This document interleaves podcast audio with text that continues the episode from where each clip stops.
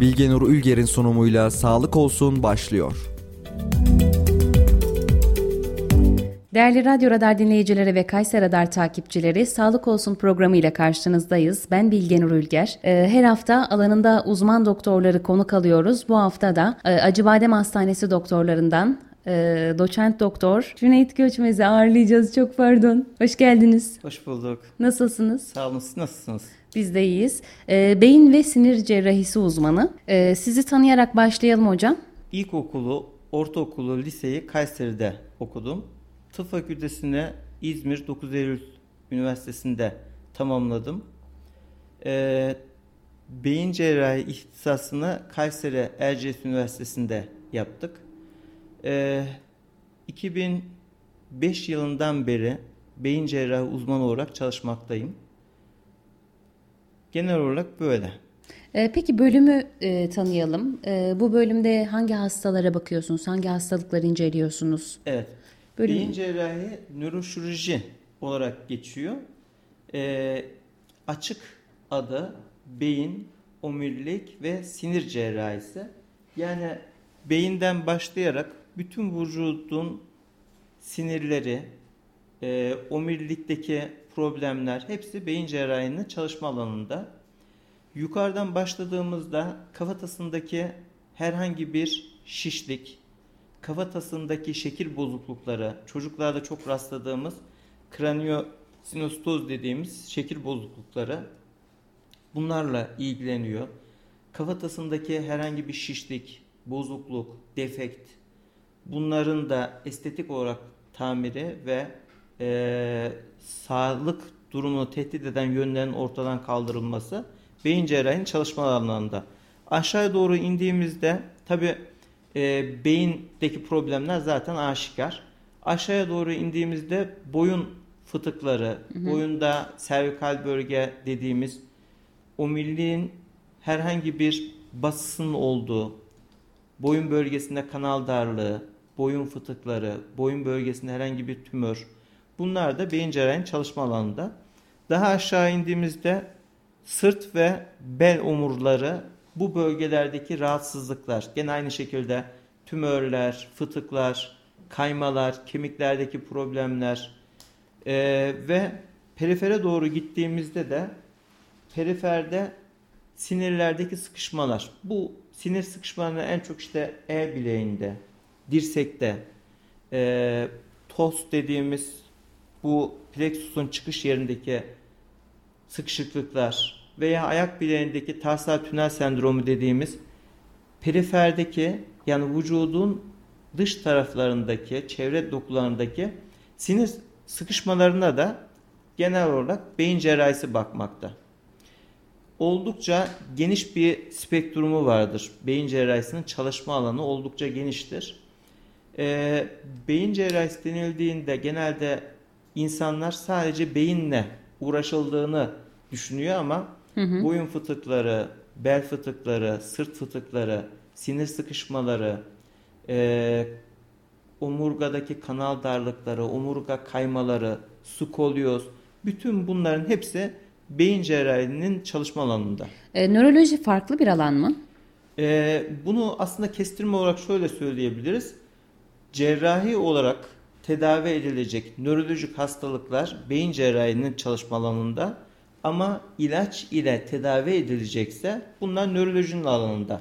Nöroloji de aynı şekilde beyin hastalıklarına bakıyor ama nöroloji ilacın daha etkili olarak tedavide kullanıldığı Parkinson gibi, multiple hastalığı gibi, işte e, bir kısım kronik hastalıkların e, ilaç ile tedavi ve takibini yapıyor. Parkinson ilaçla tedavi ediliyor mu hocam? Parkinson ilaçla e, yani sonucu sonuç veriyor mu? E, tamamen bir tedavi şeklinde değil ama semptomları, bulguları ortadan kaldırmak, hastanın hayat konforunu arttırmaya yönelik bir tedavisi var.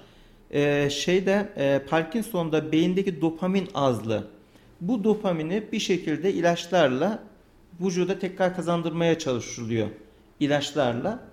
Ama Parkinson'un beyin cerrahisinin çalışma alanında olan cerrahi tedavileri de var. E, beyine pil takılması, beyindeki bazı alanlara e, lezyon oluşturarak bu titremenin e, giderilmesiyle ilgili cerrahi yöntemler de var. Ama genel manada Parkinson öncelikli nörolojinin çalışma alanında. Peki. Ee, biz bugün Cüneyt Hocam'la bel fıtığını ve beyin e, tümörlerini konuşacağız. Ee, direkt bel fıtığı nedir diye başlayalım. Şimdi bel fıtığı e, insan hayatında gerçekten önemli bir yer ediyor. Çünkü bel ağrısı çekmeyen hiç kimse yoktur. Yani biraz oturuşunu düzensiz yapsa insan, hal ve hareketlerine e, dikkat etmese, karın ve sırt kasları zayıf olsa, bel kasları zayıf olsa bu kişide mutlaka bel ağrısı olacaktır.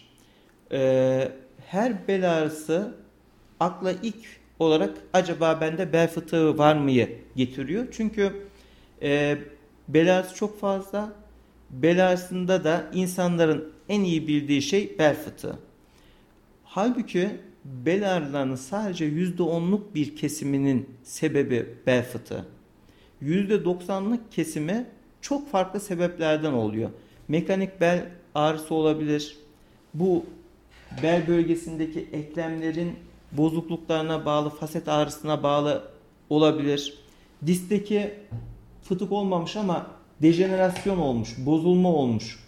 Buna bağlı olabilir. Hı hı. Kasların gerilmesine bağlı, kaslardaki yırtıklara bağlı, kastaki enfeksiyona bağlı, enflamasyona bağlı bel ağrıları olabilir.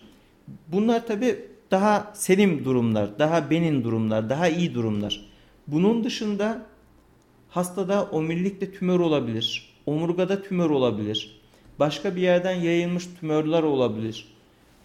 Bel bölgesindeki kaslarda psoas dediğimiz bir kas var. Bu kasta apse olabilir, sık gördüğümüz durumlar. Bunlar da bel ağrısını yapar. Hocam tümör olursa ne olur omurgada? E, tümör omurgadaki tümörün yerine göre mesela bu tümör e, omurganın sadece kendisindeyse ağrı şeklinde klinik verir. Ama omuriliğe ve buradan geçen çok yoğun sinir var burada. Bu sinirlerden herhangi birine bası yaptıysa o sinirin gittiği bölgedeki kaslarda güçsüzlük, omurilikte bası varsa idrar kaçırması, büyük abdest kaçırması, hiç yürüyememe gibi birçok e, şey verebilir, bulgu verebilir. E, Yürüyememeyi e, merak ettiğim için sormuştum evet. tümörü. Yürüyememe gibi de bir sonuca tabii, tabii yapabilir. E, hatta tamamen bize felç gelen hastalar oluyor. E, mesela bir hastam olmuştu, unutamayacağım bir hasta. E, gebeliğinin son dönemlerinde hastada e, bacaklarında bir kuvvet kaybı oluşuyor ve bunu gebelik olarak düşünüyorlar. Yani gebeliğin bir yan tesiri. Biraz psikolojik etkisi de var. İşte doğumu yaklaştı filan. Hasta hiç bacakları hareket etmiyor. Ee, doğumu yaptıktan sonra sağlıklı bir şekilde doğuruyor. Doğumu yaptıktan sonra e, bunun düzelmemesi, ayaklarındaki güç kaybının geçmemesi, hiç ayaklarında hiç hareket yok ama üzerine e, araştırma yapılıyor ve çekilen MR'ında sırt bölgesinde çok büyük bir tümörle karşılaştık. Tümör de çok az görülen bir tümör. Ee, anjiyolipom denilen bir tümör ve e, literatürde 60 kişide falan görülmüş. Bu hastayı biz acil bir şekilde ameliyata aldık.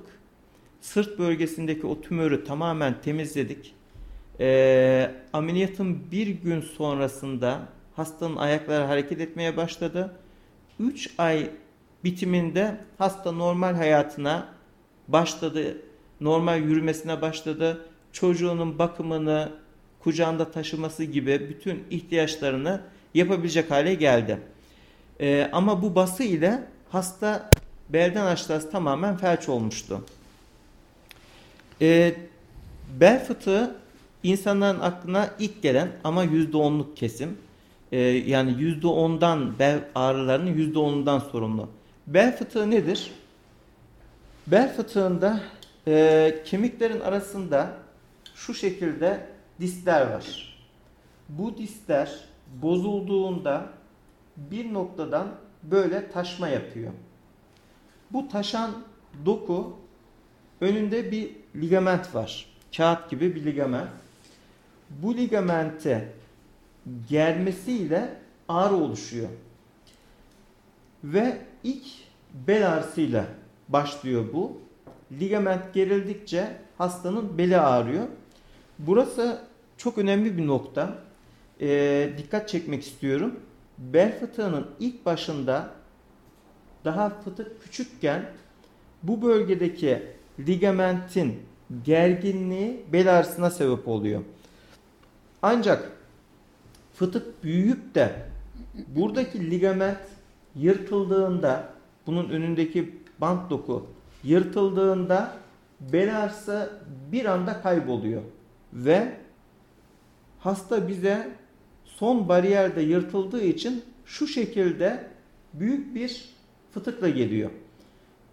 Artık bu hastada bel ağrısı olmuyor. Neden? Çünkü bel ağrısını yapan ligament yırtılmış ve artık ağrı hissi oluşturmuyor. Ancak fıtık çok büyüdüğü için sinire basmasından dolayı sinirdeki basa etkisiyle sinirin gittiği hat boyunca bacakta çok şiddetli ağrı oluyor. Bu ağrı kalçada ve bacakta oluyor. Yani ilerlemiş bir bel fıtığında hastanın belinde ağrı olmaz. İlerlemiş bel fıtıklarında hastanın bacağında şiddetli ağrı olur. Ayağında şiddetli ağrı olur. Bacakta ve ayakta uyuşukluklar olur. Kramp hocam. Kramp da olabilir. Evet. Buradaki önemli püf noktası şudur. Bir insanda eğer bel ağrısı varsa bu aslında büyük bir fıtığın olmadığını gösteriyor. Çünkü büyük fıtık oluştuğunda o ligament yırtıldığı için artık bel ağrısı olmaz. Hı hı. Bir kısım tıp dışı uygulamalarda yapılan şey de aslında bu. Hastanın bu ligamenti değişik uygulamalarla bu çekişlemeler şunlar bunlar görüyorsunuzdur basında. Hı hı. Bu uygulamalarla bu ligament yırtılıyor ve hastanın bel ağrısı düzeliyor. Hasta düzeldiğini zannediyor. Halbuki bu işlem sadece yangın alarmını söndürmek, tahrip etmek gibi bir şey. Yani bu yangını söndürmeye yönelik bir şey değil. Yangın devam ediyor Alarm ama yangın alarmı susturulmuş oluyor. Ve daha sonra şöyle kocaman bir fıtık oluştuğunda artık hiç bel ağrısı olmuyor. Hasta hala zannediyor ki bu yapılan işlemle benim bel ağrım geçti, ben iyileştim. Şimdiki farklı bir durum zannediyor. Halbuki o durumun daha kötüye gitmiş hali. Ee, bel fıtığında şunu altını çizerek söylemek isterim. Neden bel fıtığı çok önemli? Çünkü bel fıtığı toplumda çok görülüyor. Hı hı. Ve bunun suistimalini yapan da çok gruplar var.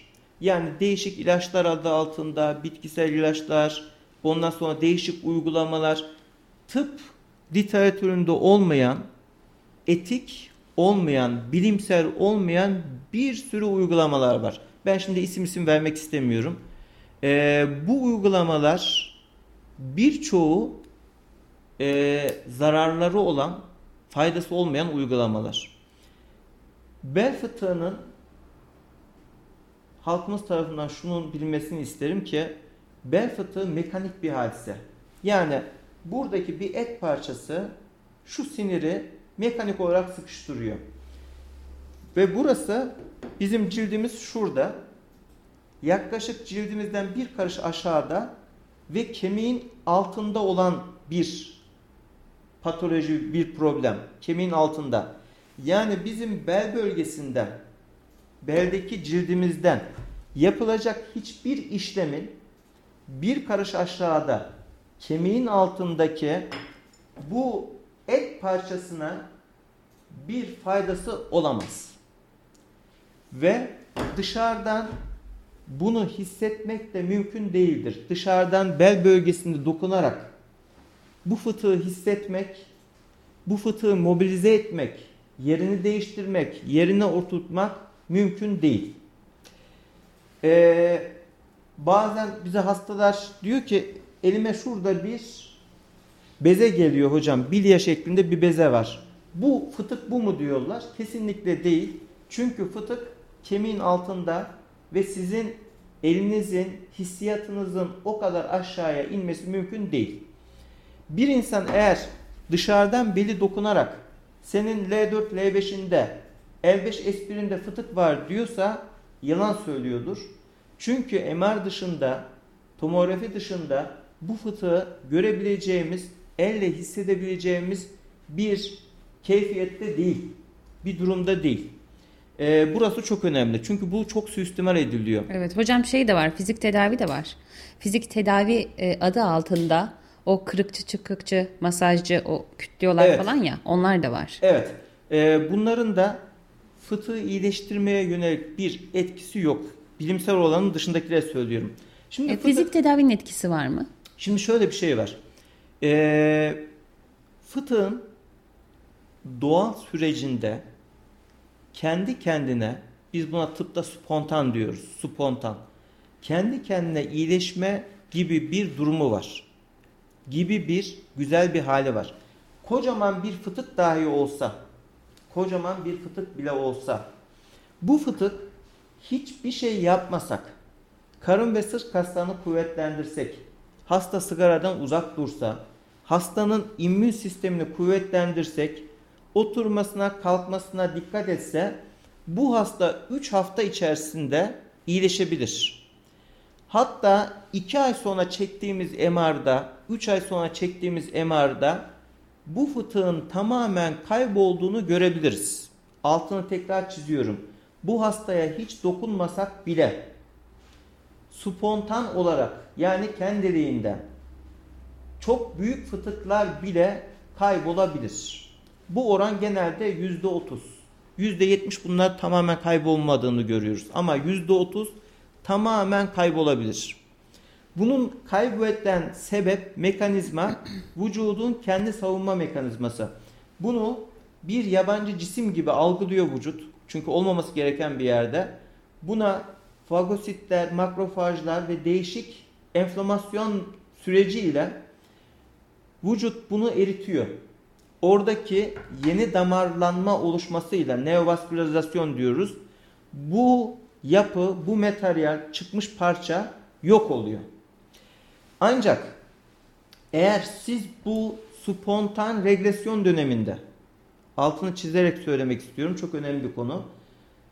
Spontan regresyon dönemi yani kendiliğinden iyileşme döneminde bu hastaya ne yaparsanız iyileşmesini ona bağlayabilirsiniz. Mesela bu hasta zaten vücut bunu iyileştirecek. O dönemde siz hastaya hacamat yaptınız diyebilirsiniz ki hacamattan iyileşti. Halbuki hiç alakası yok.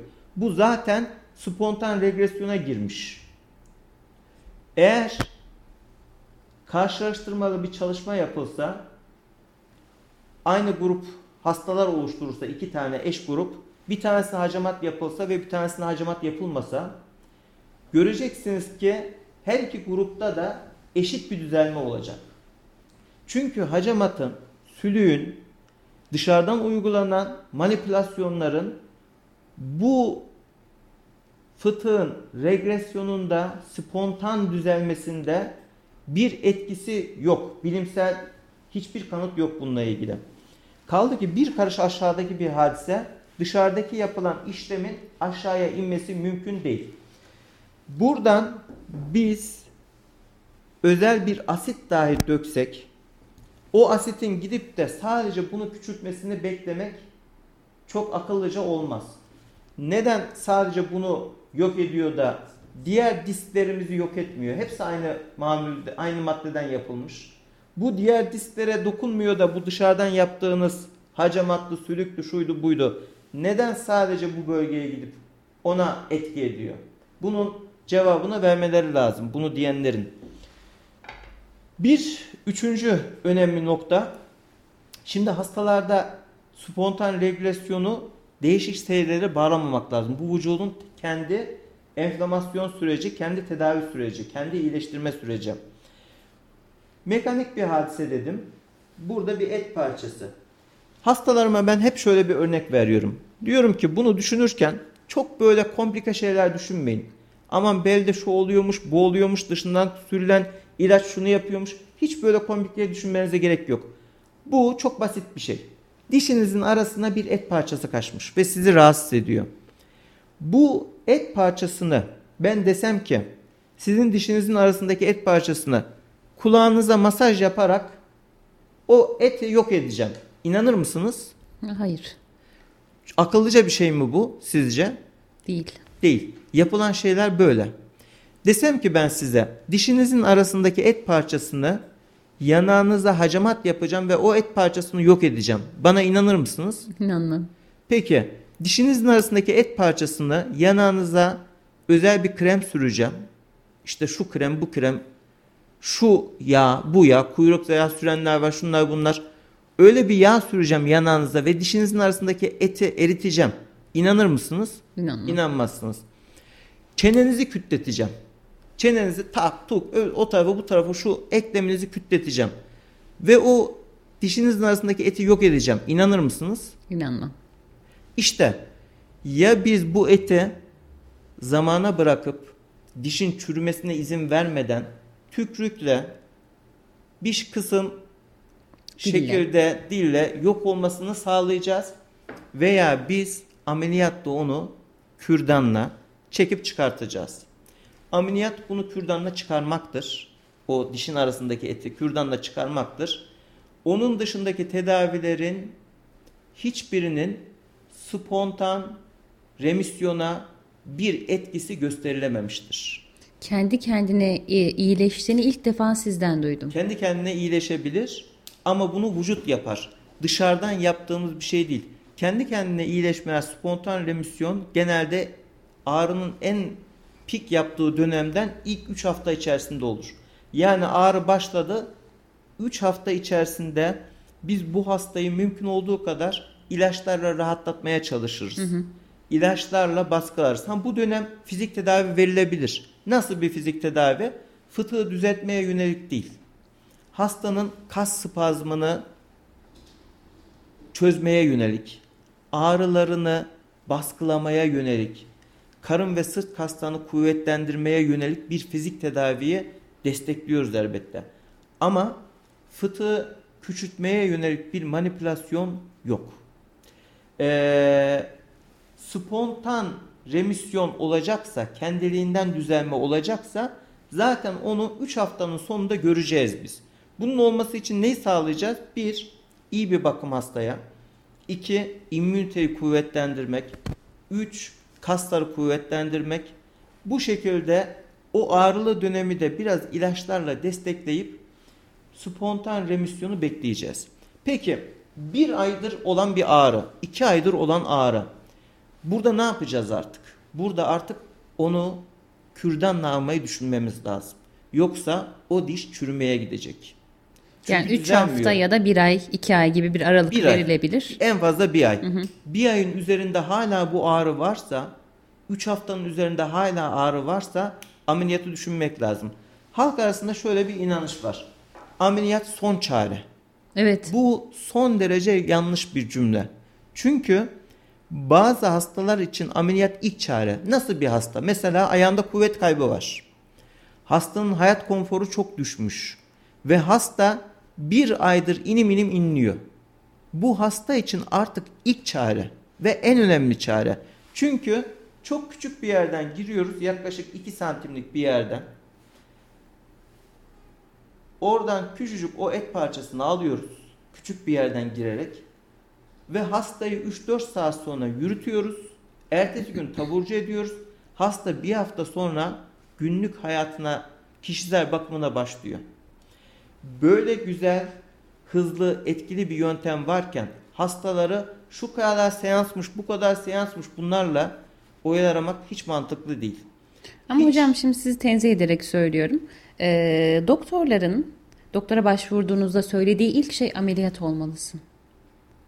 Yani biz bu sebeple e, bilinçli vatandaşlar daha doğrusu bu sebeple birkaç doktor geziyor. Çok doğru. Ben bunu e, tavsiye ediyorum. Ben ameliyat edeceğim önemli ameliyatlardaki her hastama mesela beyninde önemli bir tümör var. Omuriliğinde önemli bir tümör var veya omurgasında ciddi bir problem var. Her bel fıtığına belki bunu demiyorum ama o hastaların hepsine diyorum ki filmlerinizi alabilirsiniz. Bir başka doktordan, bir başka iki doktordan, üç doktordan hı hı. mutlaka görüş alın. Onlardan nasıl bir ameliyat tekniği uygulanacak onlardan sorun ve her doktordan yeni bir şey öğrenirsiniz. Neticede dönüp gelirseniz ben ameliyatınızı yapmaya hazırım diyorum. Ve her hastamı ben böyle bir arayışa teşvik ediyorum. Bunu ben söylüyorum yani e, mutlaka yapılmalı. Evet. Bir insan birkaç doktordan görüş almalı. Çünkü o doktorun görmediğini, eksik gördüğünü bir başka doktor farklı bir açıdan görebilir. Bu da gayet tabidir. E, hatta bazen biz ameliyatta e, asistan bile bizim görmediğimiz bir şey görüp yönlendirebilir. Bunlar gayet tabii şeylerdir. İnsanız neticede. E, ama şöyle de bir durum var. Hastaları ameliyattan korkutmak, ameliyatı öcü gibi göstermek. E, şimdi sosyal medyaya baktığınızda ameliyatsız bel fıtığı tedavisi adı altında birçok şey var.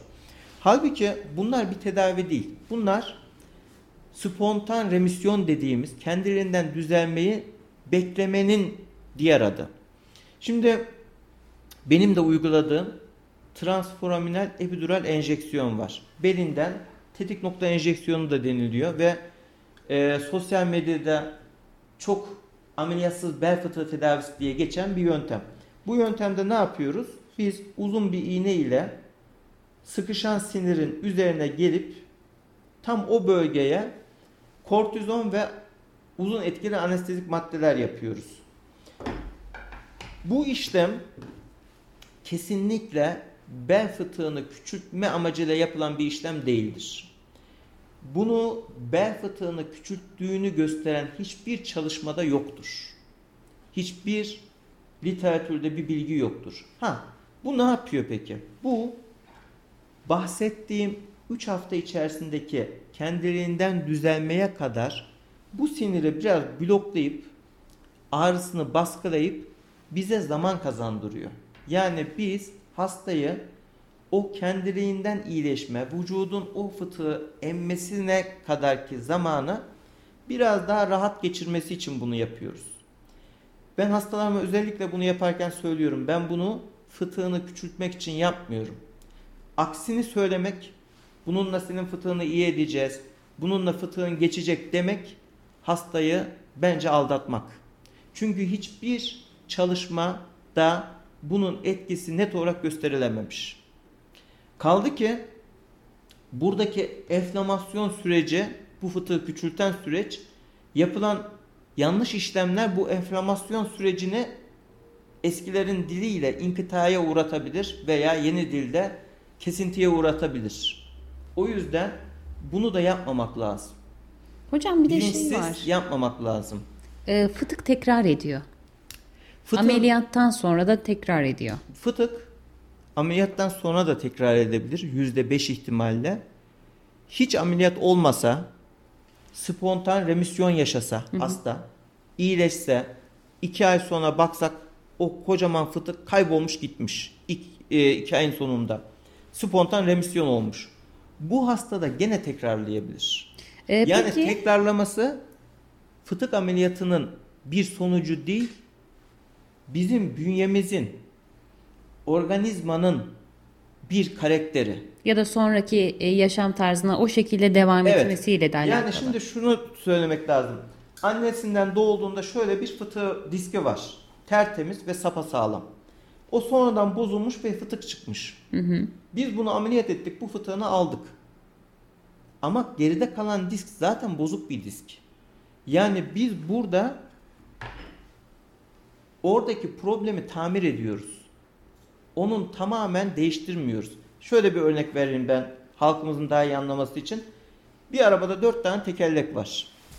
Bir, iki, üç, dört. Bu tekerleklerden biri patlamış. Biz patlayan tekerleği tamamen değiştirmiyoruz. Patlayan tekerleğe yama yapıyoruz. Bu tekerlek bir kez daha patlayabilir. Tamir ettiğiniz tekerlek de patlayabilir, başka bir tekerlek de patlayabilir. Hı hı. Ama şu kesinlikle yanlış bir sonuç. Bu tekerleği ben tamir ettiysem gene patlayacak.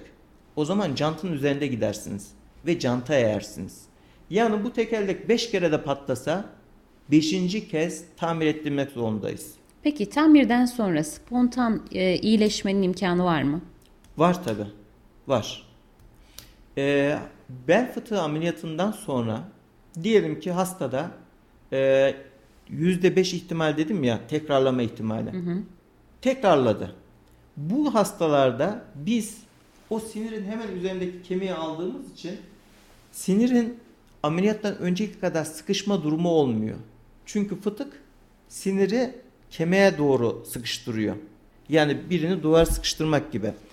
O duvarı siz kaldırdığınızda, o kemiği kaldırdığınızda fıtık tekrarlasa bile siniri sıkıştıramıyor. Çünkü üstünde o sıkıştıracak kemik yok. O kemiği biz alıyoruz çünkü pencere açıyoruz. Ameliyatın bir böyle avantajı var. İkincisi de diyelim tekrarladı. Bunun tekrarladığında gene spontan remisyon durumu var. Gene oluyor. Fıtık tekrarlaması yüzde beş dedim. Bu yüzde beşlik hastanın sadece ikisi tekrar ameliyata gidiyor. Yüzde üçü gene ameliyata gitmiyor. Anlatabiliyor muyum? İkili kesim ameliyata gidiyor. Ee, uygun hastada uygun zamanlamayla uygun bir cerrahi en kestirme yoldur bu işte. Ama hastanın bir haftalık ağrısı var. Ve bu ağrı sürekli olmayan bir ağrı. Hastada kuvvet kaybı yok. Bu hastayı ameliyat etmemek lazım. Fıtığı büyük bile olsa, kuvvet kaybı yoksa, sürekli olmayan bir ağrısı varsa, ee, mesela ağrı sadece yürüdüğünde oluyor, öksürdüğünde, hapşurduğunda oluyor ama sürekli bir ağrısı yok. İnim inleyen bir hasta değil. O zaman bu hastayı ameliyat etmemek lazım. Bu hastayı spontan remisyona bırakmak lazım. Şunu bunu onu şunu yapmak da değil. Spontan remisyona bırakalım. Vücudun tamirine bırakalım. Ama vücudun tamir etmesini bozacak işlemler yapmayalım. Bu hastayı daha fazla kurcalamayalım. Bu hastanın vücut dengeleriyle oynamayalım, bozmayalım. Bunu kendi haline bırakalım. İmmünitesini arttıralım. Sigara içiyorsa mutlaka sigarayı bırakmalı. Sigara nikotin çünkü buranın iyileşmesini yavaşlatıyor. Kaslarını kuvvetlendirelim, kilo verdilerim ve hastanın spontan iyileşmesinin önünü açalım. Peki hocam ameliyatta ne tür riskler var? Şimdi bu ameliyatlar bundan 40-50 sene önce çıplak gözle yapılıyormuş. Açık gözle ve o bölge büyük açılıyormuş.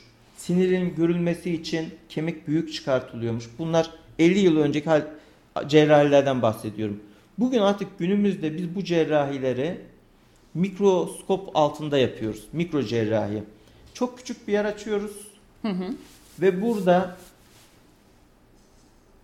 disk dokusunu, sinir dokusunu çok net görüyoruz. Ve çok küçük bir yerden girmemiz bize yardımcı oluyor. Yeterli oluyor. O yüzden çok fazla kas tahrip olmadan, çok kemik çıkarılmadan e, sinir dokusunu çok net görerek bir cerrahi yapıyoruz. Son derece güvenli bir cerrahi. Ama 50 yıl önce böyle olmuyormuş. Ve halkın bilinçaltına yerleşmiş o korkular hep 50 yıl öncesinin açık cerrahilerinin sonuçları, korkuları. Çünkü o dönemler hastayı bir ay yatırıyorlarmış. Tamamen diski kazıyorlarmış. Ondan sonra kemiği kırarak açıyorlarmış. Biz şimdi kemiği kırmıyoruz. Kemiği tur ile e, bir pencere şeklinde açıyoruz. Ben mesela her hastaya mutlaka ameliyatını izletiyorum. Her ameliyat ettiğim hastaya kendi ameliyatını izletiyorum. E, tansiyonu Ben izleyemezdim herhalde. tansiyonu düşmüyorsa. Ama bizim hastalarımız çok meraklı kendi filmlerini izlemeye. Kendi ameliyat videolarını. Ve hepsi diyor ki hocam diyor bunu gördükten sonra diyor ben şimdiye kadar yaptığım işlemlerin ne kadar boş olduğunu anladım diyor. Şimdiye kadar uğraşılarımın, seanslarımın ne kadar boş olduğunu anladım. Çünkü diyor bu tamamen mekanik bir olaymış diyor. Ben de o yüzden her hastamı izletmek istiyorum ameliyatlarını. Ee, ameliyatın ne gibi komplikasyonları var, ne gibi riskleri var? En istemediğimiz riski tekrar etmesi. Bu da yüzde beş. Yani ben 100 tane hasta ameliyat ediyorum. Bunun 95'ine bir daha bu hastalık nedeniyle görmüyorum. Ama 5 tanesi tekrar bana geliyor. Sonraki ağrı devam edebilir mi? Tekrar etmese bile. Fıtık eğer çıkarıldıysa sinir rahatladıysa o ağrı devam etmez. E, çünkü biz ameliyatta şunu görüyoruz. Her sinir aslında kalp gibi atar. Biz pulsasyon diyoruz buna. O pulsasyonu fıtık hastalarında görmüyoruz. Sıkıştığı için o artık kalp gibi atamıyor o sinir. Orada ezilmiş bir halde duruyor. Fıtığı çıkardıktan sonra kapanışta o atımı görüyoruz biz. Artık kalp gibi atmaya başlıyor. Yeniden sinir hayat buluyor. Onu görmeden kapatmıyorum ben. Yani o ağrı atımı, varsa devam ediyor mu demektir? Fıtık tekrar etmiş ağrı demek varsa midir? fıtığın bir parçası içeride kalmış demektir. Ameliyattan Ya da sonra başka ağrı bir olmaz. lobdan da geliyor olabilir Başka mi? bir problemi olabilir. Yani başka hastada e, kas ağrısı olabilir. Başka bir yerde bir sinir sıkışması olabilir. Ama fıtık tamamen boşaltıldıysa fıtıktan kaynaklı o eski ağrı tamamen geçer. Ama şurada da şöyle bir konuyu mutlaka e, göz ardı etmemek lazım. Sizin eliniz taşın altında kalmış. Ben bu taşı kaldırdığımda bir anda çok ciddi bir rahatlama hissedersiniz. Taşı kaldırdığında. Ama hala burada bir miktar zonklama olabilir. Bu da taşın ilk elinize düştüğü andaki e, tahribatı ile ilgili. Yani fıtık da siniri öyle bir sıkıştırıyor ki bazen biz o fıtığı alsak dahi sinirde hala bir tahribat bakiyede kalmış oluyor. Onun biraz iyileşmesi zaman alıyor. Tabi ameliyattan sonra hiçbir zaman ameliyat önceki ağrıların kalmasını beklemiyoruz. Ama bir kısım paresteziler, uyuşukluklar, e, çekmeler birkaç gün, hafta devam edebilir. Bu da ameliyatın gecikilmesinden kaynaklı problemler. Yani dişin arasındaki et hemen kürdanla alınmamış, diş çürüdükten sonra alınmış. Hocam şey var ya e, fıtık patladı diyorlar. Evet. E, orada ne yapıyorsunuz? E, Zaten Yani bu bunun vücuda bir zararı var mı? Patlaması bazı şey- doktorlar da şey diyor hocam e, patlaması iyidir. Yok. E, fıtığın patlaması demek bu bahsettiğimiz demek. Yani fıtık patlaması e, halk tabiri. Bizim doktorların böyle bir tabiri yok. Fıtığın patlaması demek önündeki bütün ligamentlerin açılarak diskin direkt sinire basması demek. Bunun e, zaten bizim ameliyat ettiğimiz hastalar bu şekilde hastalar. Patlayan fıtıklar, halk tabiriyle patlayan fıtıklar. Patlamamış fıtık da şu işte. Bunda zaten sadece bel ağrısı olur. Bel ağrısının dışında bu bacak ağrısına sebep olmaz. Patlamamış fıtık. Patlamış fıtık da artık bel ağrısı yapmaz. Bacak sadece ve- bacak ağrısı yapar. Kalça ağrısı. Peki. Evet. E, reklam arası verelim. Olur. E, bel fıtığı konumuzu bitirdik çünkü. E, devamında da beyin tümörlerini konuşacağız. Kısa bir reklam arasının ardından burada olacağız. Yayın tekrarı.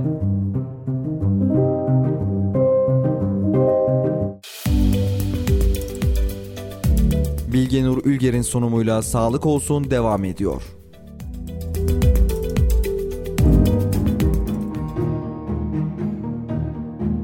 Değerli Radyo Radar dinleyicileri ve Kayser Radar takipçileri kısa bir aranın ardından e, Cüneyt Göçmez hocamla kaldığımız yerden devam ediyoruz. Beyin tümörlerini konuşacağız. E, beyin tümörü nedir? E, beyin tümörlerinin birçok çeşidi var. E, bunlar 4 grade'de ayrılmış. Grade 1, grade 2 yani iyiden kötüye kadar. E, grade 1 dediklerimiz iyi huylu tümörler. Bunları genelde çıkardıktan sonra hastalar e, bir ömür boyu yaşıyorlar. E, iyi bir cerrahi sonucunda ve bu hastalara radyoterapi, kemoterapi vermiyoruz. Beyin tümörlerinde şöyle bir özellik var. E, beyin tümörlerinin büyük bir kısmı, birkaç tanesi hariç, beynin dışına yayılım yapmaz. Sadece beyin içerisinde olur. Yani başka bir organa e, sıçramaz. Sadece ependimom ve medulloblastom adında iki tane tümör. Bunlar BOS yoluyla omurilik kanalında başka yerlere yani omurgaya, omuriliğe falan e, şey yapabilir, sıçrama yapabilir. Ama genel manada beyin tümörleri vücudun başka organlarına sıçramazlar. E, halkımızda insanlarda çok fazla baş ağrısı olur. Her başı ağrıyan kendisinde acaba benim beynimde bir tümör var mı gibi endişelenir.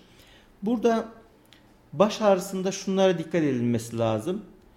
Eğer bir baş ağrısı sabaha doğru oluyorsa, kişileri uykudan uyandırıyorsa, baş ağrısına kusma, bulantı, baş dönmesi, görme problemleri eşlik ediyorsa bunu araştırmak lazım. Ama ağrı ikindi ve akşama doğru oluyor. Hiç uykudan uyandırmıyor. Tam tersi uyuyunca geçiyor. İlaçlara çabuk cevap veriyor. Bu ağrılar, bu ikinci saydığım ağrılar genelde gerilim tipi baş ağrısının özellikleri. Baş ağrıyan kişi ne zaman doktora gitmeli? Tekrar özetleyeyim. Bir, uykudan uyandırıyorsa, bu ağrı sizi uykudan uyandırıyorsa mutlaka bir uzmana gitmelisiniz. İki, e, sabaha karşı oluyorsa, sabaha karşı. E, üç, kusma gibi eşlik eden bir durum varsa. Dört, şimdiye kadar yaşamadığınız çok farklı tarzda, şiddette, ilaçlara cevap vermeyen bir baş ağrısı. Bunda da bir uzmana görünmekte fayda var. Ee, genelde beyin tümörlerinin nasıl tanısını koyuyoruz? En iyi yöntem ilaçlı beyin MR'ı. Bu birçok e, beyin tümörünü çok iyi bir şekilde yakalar. E, beyin tomografisi de bize beyin tümörlerini yakalatabilir ama e, en iyisi kontrastlı beyin MR'ıdır bu konuda, beyin tümörleri konusunda. E, ve MR'ın vücuda bir radyasyon etkisi de olmadığı için genelde bizim tercihimiz tümör şüphesi olan hastalarda e, beyin MR'ı oluyor. E, tümörlerin bugün teknolojinin biraz gelişmesiyle tedavisi, cerrahisi çok daha iyi durumda. Eskiden insanlar birisinin beyinde tümör oldu mu onun e, ömrü bitti, hayatı söndü gibi görülürdü. Şimdi hiç öyle değil. Bazen beyinden elma büyüklüğünde tümör çıkartıyoruz ve hasta işinde gücünde bir ömrünü tamamlıyor. Ee, bu tabi tümörün klinik ve patolojisiyle de ilgili, yeriyle ilgili. Ama şu, bugün mesela gene mikro cerrahi yöntemler, navigasyon gibi tümörün tam bize yerini gösteren, artı e, ne kadar ilerlediğini, ne kadar bir dokuyu çıkartacağımızı gösteren, e, tümörün değişik boyalarla boyanıp cerrahide bize tümöre yönlendiren yöntemler, artı nöromonitorizasyon dediğimiz tümöre yakın sinirlerin sürekli kontrol altında tutularak tümörün çevresindeki dokularda verdiğimiz zararın hastaya etkilerini ameliyat boyunca gözlemlediğimiz yöntemlerle hatta uyanık yaptığımız cerrahilerle mesela tam motor sahadaysa e, hastaları beyin tümörünü uyanık çıkartıyoruz. Hastayı tamamen uyutmadan e, bizimle konuşa konuşa hı hı. tümörleri çıkartıyoruz. Bu da bize e, ameliyat sonrası çıkacak problemleri azaltıyor. Azaltıcı etkisi oluyor.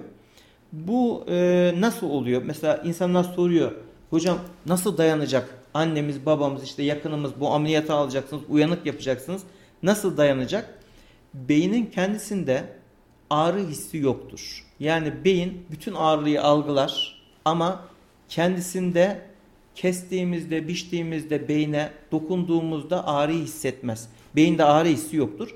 Aslında birçok organda da yoktur. Mesela karaciğerde de ağrı hissi yoktur. Karaciğerin kapsülündedir bu. Beynin de ağrı hissi beynin çevresindeki dura dediğimiz zarda. Ağrı hissi oradan. Baş ağrısını biz nasıl algılıyoruz? Baş ağrısını bu duranın gerginliği veya beyindeki bir kısım damarların gerilmesiyle biz ağrı hissini algılıyoruz.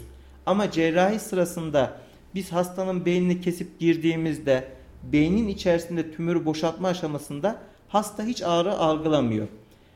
Cildine anestezi veriyoruz, lokal anestezi. Cildine uyuşturuyoruz. Kemiğini keserken de hasta ağrı hissetmiyor. Çünkü kemiğinde sadece zarında ağrı hissi var. Perios dediğimiz zarında. O zarı da sıyırdıktan sonra zaten oraya da uyuşturucu ilaçlarımızı yapıyoruz. Kemiği keserken de, beyne girerken de, beyin içerisinde çalışırken de hasta ağrıyı algılamıyor. Ve bu nimeti kendi adımıza kullanarak hastaları uyanık bir şekilde ameliyat edebiliyoruz. E, hocam baş ağrısı için e, şeyler saydınız ya, e, tanılar Kriterler, saydınız. evet. E, şimdi bu başımız anne eşarbıyla e, baş ağrısı yaşadığımızda Evet. sıkıca bağlamak doğru mu? Ee, bir kısım migren rahatsızlıklarında e, böyle bir bağlama işe yarayabilir. Yani çünkü ilaç faydası içmek olabilir. istemiyorsunuz. Şimdi migrende şöyle bir mekanizma var. Kabaca anlatacağım bizim halkımızın anlayacağı şekilde. Migrende migrenin ilk etabında beyindeki damarlarda sebebi belli olmayan bir şeye reaksiyon ile oluşan ani bir büzüşme oluyor. Beyin damarları bir anda büzüşüyor, küçülüyor, daralıyor. Bu dönemde hastalarda işte o migrenin belirtisi dediğimiz uyuklama hali, esneme hali, gözünde bir kısım şeylerin pul pul olması, e, bir kaş, e, gözün düşmesi mesela göz kapağının gibi bulgular çıkıyor. Çünkü damarlar büzüşüyor ve beyne giden kan miktarı azalıyor, uyku yapıyor, esneme yapıyor. Buna aura diyoruz biz. Bir kısım bulgular çıkıyor hastada. Bu dönemden sonra vücut buna bir reaksiyon olarak bir anda damarları genişletiyor. Ve damarlar çok geniş hale geliyor. İşte migren ağrısını biz bu aşamada yaşıyoruz. Damarların genişlediği aşamada bunu kompanze etmek için, bunu ortadan kaldırmak, bu damar büzüşmesini yenmek için beyin bir anda kan miktarını arttırıyor, kan akımını arttırıyor ve damarlar çok genişlediği için kafa içi basıncı artarak şiddetli bir baş ağrısı görüyoruz. İşte bu dönemde o sıkma işlemi, başı sıkma işlemi rahatlatıcı olabilir, uygulanabilir. Migrenin tedavisinde de önceki bu damarların büzüşme aşamasında kullandığımız ilaçlar farklı. Damarların genişlemesi aşamasında kullandığımız ilaçlar farklı. Genelde biz migrende kullandığımız, migren ilacı adı altında kullandığımız ilaçlar şimdi marka ismi vermek istemiyorum. Bu büzüşme anına değil, genişlemiş anı baskılamak için kullanıyoruz.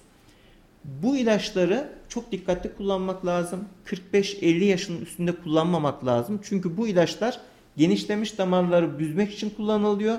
Aynı zamanda kalp damarlarını da büzüyor. Diğer damarları da büzüyor ve hastada başka problemler oluşturabilir. O yüzden iyi bir kalp taramasından sonra bu ilaçlar kullanılmalı. 40 yaşın altında kullanılmalı. Bir de migren profilaksisi dediğimiz bu ilaçları ben daha çok seviyorum, daha çok destekliyorum. Büzüşme aşamasını, ilk aşamadaki büzüşmeyi engellediğimiz bir kısım kalsiyum kanal blokörü ilaçlar var. Bu ilaçlarla o ilk büzülmeyi biz engelliyoruz profilaktik olarak. Ama bu da hastaya her gün ilaç kullanmasına sebep oluyor. Bu aşamada yapılması gereken yani bu ilk büzülme aşamasında bu ilaçları düzenli kullanarak o aşamaya hiç girmemek. Bunu bu ilk büzüşmeye sebep olan nedenleri ortadan kaldırmak. Mesela kimi hastada çikolata olabilir, kimi hastada peynir olabilir, kimi hastada oksijensiz kalmak, kimi hastada stres tetikleyebilir bunu, havasızlık, Susuzluk. susuzluk bunu tetikleyecek sebepleri ortadan kaldırmak ve genelde ilk aşamaya müdahale daha sağlıklı bir müdahale. Ee, peki hocam tümörlere geri dönecek olursak. Ee, şimdi beyin tümörleri ya sonradan gelişiyor e, ya da anne karnından itibaren. Büyük bir çoğunluğu sonradan gelişiyor. Evet. Ee, bunun oluşmasının nedenleri neler? Şimdi bu genetik bir kısım e, problemlerin sonucunda oluşuyor. Mesela bizim çok gördüğümüz menenjiyomlar incelenmiş. Bunlardaki bir kısım genlerin eksikliği ortaya konmuş. Çok eski dönemlerde travmanın bu menenjiyomları arttırdığı söylenmiş. Bununla ilgili çalışmalar yapılmış. Radyasyonun bunu arttırdığı söylenmiş. Bu radyasyondan kastım mesela hasta radyoterapi almış. Düşmüş travmaya uğramış. Bunlar menenjiyomu arttırdığı söylenmiş. Ama tam net olarak şunlar tümörü arttırıyor, beyin tümörlerini arttırıyor demek biraz iddialı bir cümle olur. Hı hı. Fakat sağlıksız beslenme, e, genetik yatkınlık, e, çevre faktörleri bunda etkili. Mesela son zamanlarda bu cep telefonları falan da bununla ilgili suçlanıyor. E, beyin tümörü genetik özelliği de var ama ailemde beyin tümörü var, bende de beyin tümörü olacak korkusuna da girmemek lazım. Çünkü bu her zaman böyle olmuyor. Mesela hiç ailesinde tümör olmayan da tümör olabiliyor. Evet. Ailesinde birkaç kişide tümör olan da tümör olmaya da biliyor. Ee, peki hocam e, bu korkulacak e, tümörler için ya da korkulmayacak tümörler için e, ne tür tedaviler uygulanıyor? A, ameliyatın dışında bir durum Beyin yok sanıyorum. tümörlerinde büyük oranda ameliyat. Hı hı. Neden? Çünkü beyin kapalı bir kutu. Bu kapalı kutuda fındık büyüklüğünde bir fazlalık bile olsa orada bir basınç sebep basınca sebep oluyor. Ee, beyinde o basıncı kaldıramaz. Ama e, iyi huylu bir kısım tümörlerde menenjiyom gibi, şivanom gibi tümörlerde eğer 2 santimin altındaysa hatta bazıları 3 santime kadar bunu çekiyor. E, gamma knife dediğimiz, cyber knife dediğimiz ışınlama ile bunu bir miktar küçültebiliyoruz. Küçültüp veya büyümesini engelleyebiliyoruz. Ama 3 santimin üzerindeki tümörler, çevresinde ciddi ödemi olan tümörler, beynin normal dokusuna bası yapmış tümörlerde mutlaka ilk seçenek cerrahidir, ameliyattır. Çünkü bu hastanın başka tedavileri yapacak, uygulayacak zamanı olmaz. Bu tümörün çıkartılması lazım ki sonradan diğer tedaviler, kemoterapi, radyoterapi uygulanabilsin. Peki hocam. Benim sorularım bitti. Çok teşekkür ederim. Biz de teşekkür Ağzınıza ederiz. sağlık, ayağınıza sağlık. Benim hiç duymadığım şeyler söylediniz. Ee, halkımızı bilinçlendirdiniz, bilgilendirdiniz. Çok teşekkür ederim. Ee, katılıp e, davetimi kırmadığınız için de teşekkür ederim. Davet ettiğiniz için ben de teşekkür ederim. Teşekkür İyi ederim. çalışmalar hocam. Sağ dilerim. olun. Değerli Radyo Radar dinleyicileri ve Kayser Radar takipçileri programımızın sonuna geldik. Ee, beyin ve sinir cerrahisi uzmanı doçent doktor e, Cüneyt Göçmez'i ağırladık bu hafta. Bel fıtığı, e, beyin tümörlerini konuştuk. E, önümüzdeki hafta başka bir uzmanla başka bir uzmanı ağırlayacağız. Başka bir konuyu sizler için aydınlatacağız. Tekrar görüşünceye dek iyi haftalar diliyorum. Hoşçakalın. Bilgenur Ülger'in sunumuyla Sağlık Olsun sona erdi.